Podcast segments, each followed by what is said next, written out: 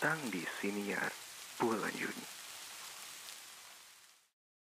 Aku hidup di dalam dirinya, di dalam diri kalian semua, bahkan di dalam diriku sendiri.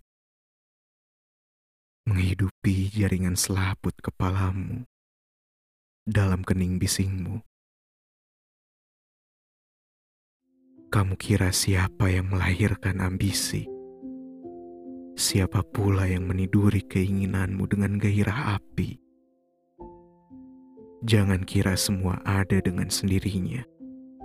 Kamu pernah berkali-kali melemparkan beberapa koin kecil berupa harapan pada kolam keinginan dalam isi kepalamu.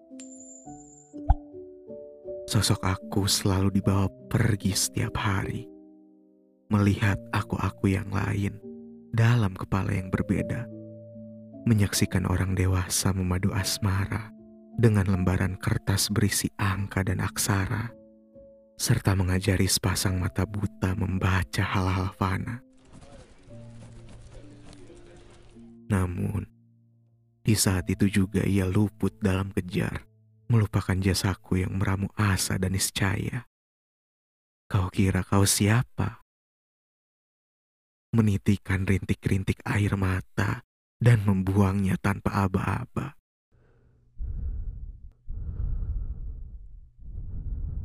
Satu ataupun dua tak berarti apa-apa.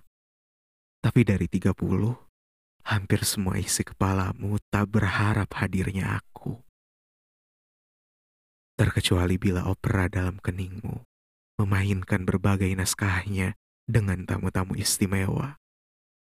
Buncah dengan pakaian hitamnya, sunyi ditemani gelapnya, dan luka hadir dengan kekasihnya.